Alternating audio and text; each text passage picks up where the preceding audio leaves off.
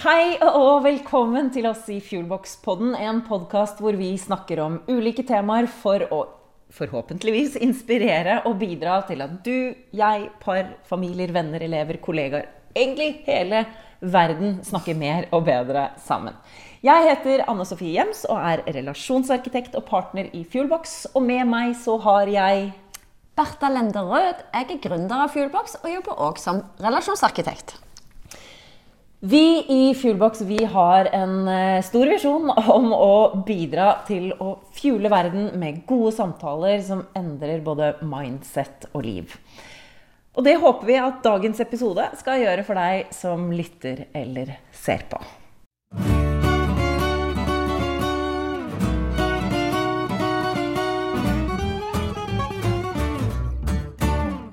Hei og velkommen til en ny episode. I dagens episode stiller vi spørsmålet hvilke forstyrrelser har vi i parforholdet? Oi. Hvor skal man begynne? Livet. Livet er en eneste stor forstyrrelse for parforholdet, er det ikke det?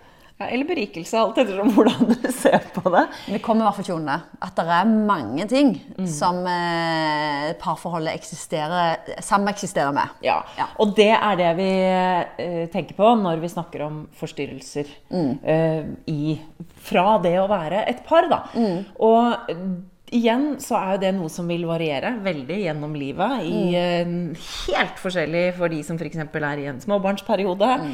Eller uh, sånn som oss som uh, snart har barn som har flyttet hjemmefra. Så mm. er det jo veldig forskjellig.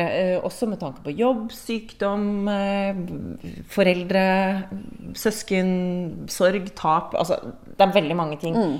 Men hvis du skal begynne sånn helt fra toppen av hodet og ramse opp hvilke forstyrrelser er det? Hva er det som tar fokus vekk fra parforholdet? Mm.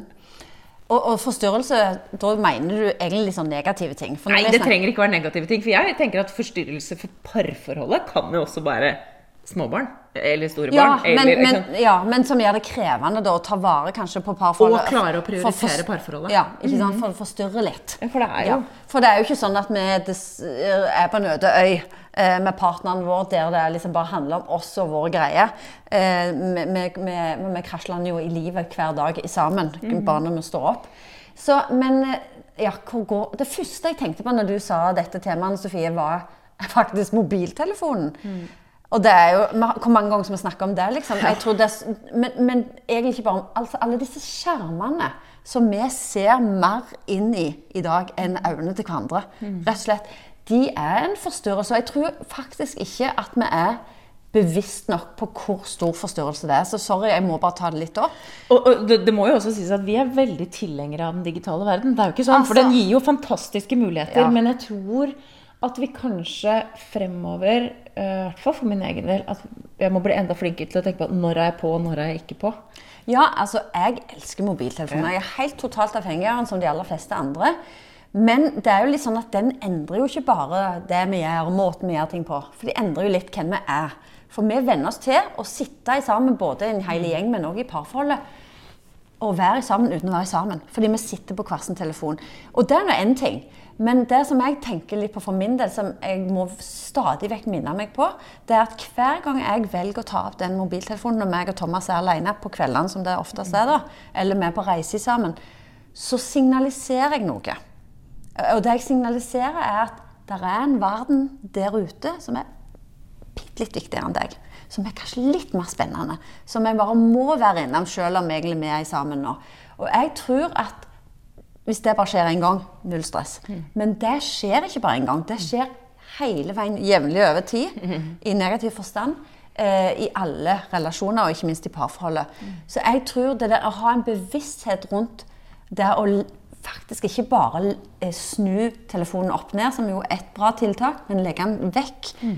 og være helt til stede mm. når man er med partneren sin og har satt av tid til å være sammen, det tror jeg er en viktig ting å gjøre. En egentlig ganske enkel ting å gjøre. Mm. Og det er en fin forstyrrelse å rydde vekk. Eh. Til noen av mine venners mm. frustrasjon så legger jo jeg fra meg telefonen i gangen ofte mm. når jeg kommer hjem. Ja. Det er veldig bra. Det er, Eh, og det gjør vondt noen ganger. Ja. Det gjør det. Men det, eh, det er ikke alltid like lett å få tak i meg på noen eh, deler av døgnet. Men det er fordi at jeg har lagt den bort. For at jeg vet at jeg forstyrres veldig lett. Det kom bare opp. Jeg har også skrudd av alle notifications på Instagram. på alt. Jeg må ikke få de der pop-upene hele tiden. Så, så telefon det måtte vi bare innom når det Ja. gjelder forstyrrelser. For det er jo, hvis vi først vil begynner å snakke om de hele veien. negative forstyrrelsene, ja. så er jo det kanskje en av de tingene som, som faktisk forstyrrer oss, og ikke alltid trenger det. For jeg skjønner jo, hvis, jeg sier jo innimellom denne mailen her må jeg bare svare på. Eh, for jeg har lovt å levere dette i kveld. Det er jo ikke det at man ikke skal få lov heller. Vi skal ikke, vi skal ikke være sånn formanende. Men jeg tror en bevissthet rundt eh, den forstyrrelsen, da, der kan vi kanskje rydde noe rom til å prioritere paret. ja, jeg tror det er en Kanskje. liten, på en måte en liten dings som kan skape en stor Ja. forskjell hvis man viser at det er nærliggende og vet og har fullt fokus. Men, så har vi positive forstyrrelser også, jeg synes som egentlig er positive bidrag inn i livet Ja. eh, vårt, men som allikevel er forstyrrelser for parforholdet. fordi at det er jo ting som trekker fokuset vekk fra deg og meg hvis vi var et par. Ja, og da har jeg lyst til å snakke om en ting som kan være veldig forstyrrende, og det er jobb. Fordi at jobb er jo en det er positivt å ha jobb. Ja, nei, det er veldig bra å ha en jobb, og det skal man ha, og, og ønske å ha. Men spesielt hvis man har utfordringer på jobb, da, som er krevende, eh, så kan det være en stor forstyrrelse inn i parforholdet. For hvor skal du ventilere, liksom? Og, og hvor er det man eh, Jobb er jo noe man gjør hver dag, og så kommer det problemer i tillegg, og de skal man òg ha tid til å håndtere, og de håndterer man da gjerne på fritida. Så det der å ta med seg jobben inn, spesielt hvis det er krevende og negativt, det tror jeg kan være ganske slitende for mange par. Eh, Men ganske vanskelig å gjøre noe med òg. jo, og hvordan møter man hverandre der, da? For det, det jeg tror det er en ganske typisk ting å si. «Hva- 'Hvordan har du hatt det på jobb i dag?' Jo, bra. Ok, ja, jeg har hatt det dårlig. Eller jeg har hatt det, sant? Men det å da skru på nysgjerrigheten og si 'Du, setter deg ned litt. Jeg ser at du er stressa. Kan vi ta det nå Kan først, ja. før vi liksom går Fortell inn i meg hva som skjer på jobben din. Og så tar vi den nå, sånn at det blir en sånn ting som henger hele ettermiddagen vår sammen, for f.eks.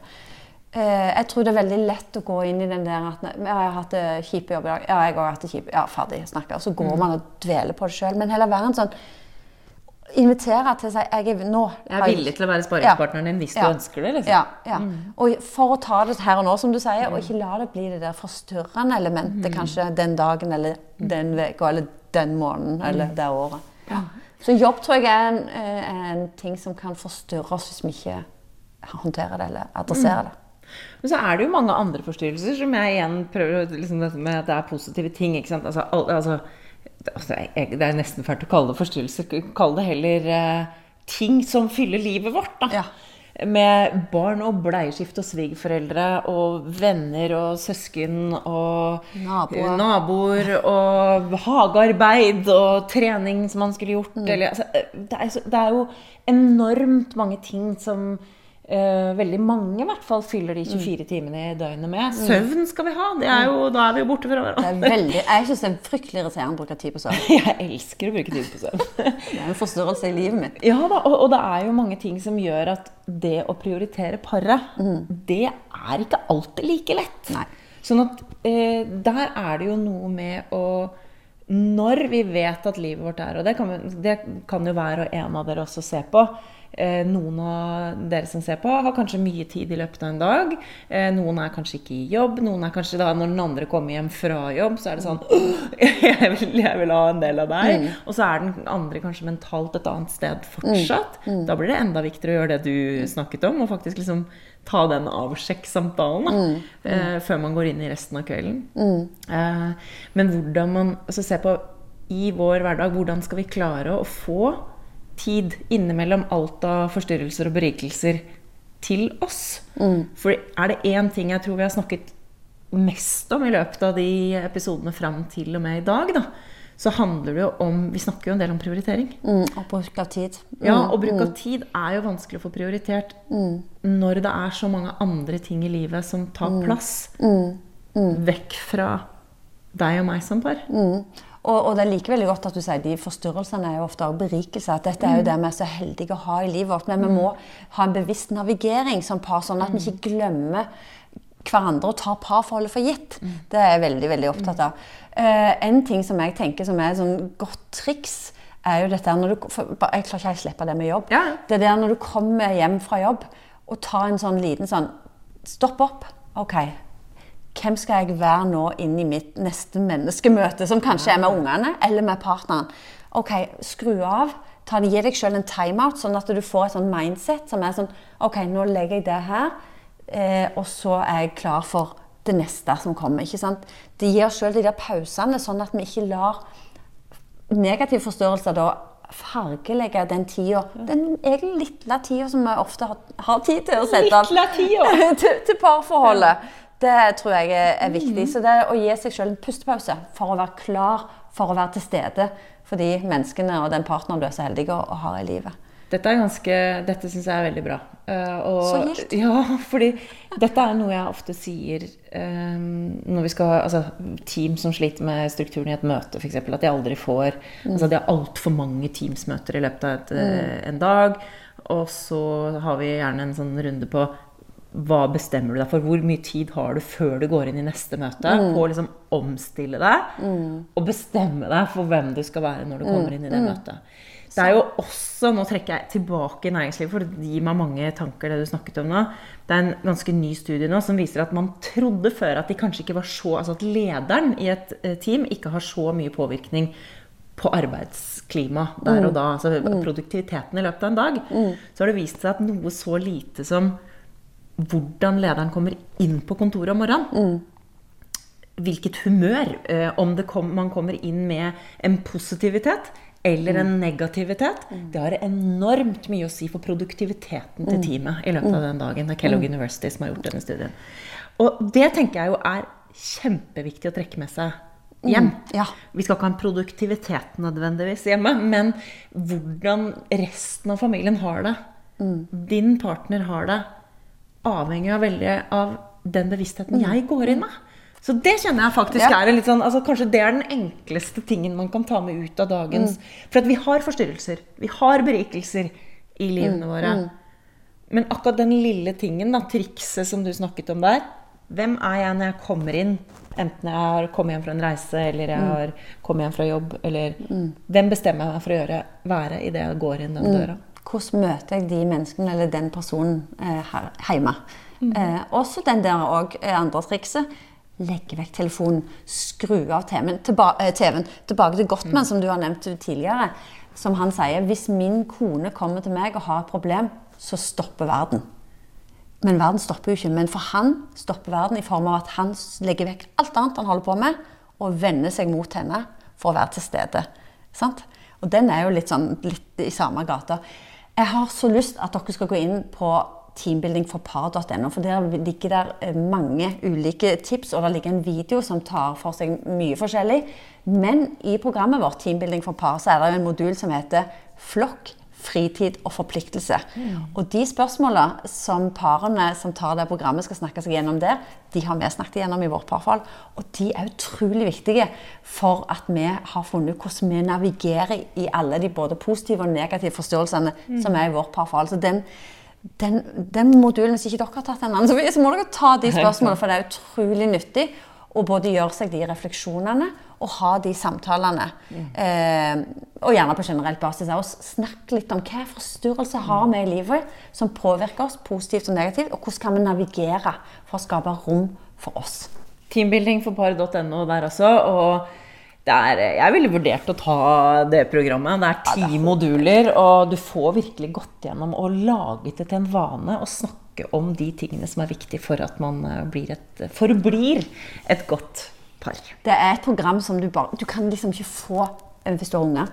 De fort nok i seng. Sånn at dere kan sette dere ned og bare bli inspirert, og ikke minst koble dere på hverandre. Og snakke om ting som er viktig for å være det teamet dere to ønsker å være. Med det så takker vi for eh, følget i dag, enten du ser på eller lytter. Og så håper jeg du blir med igjen neste gang.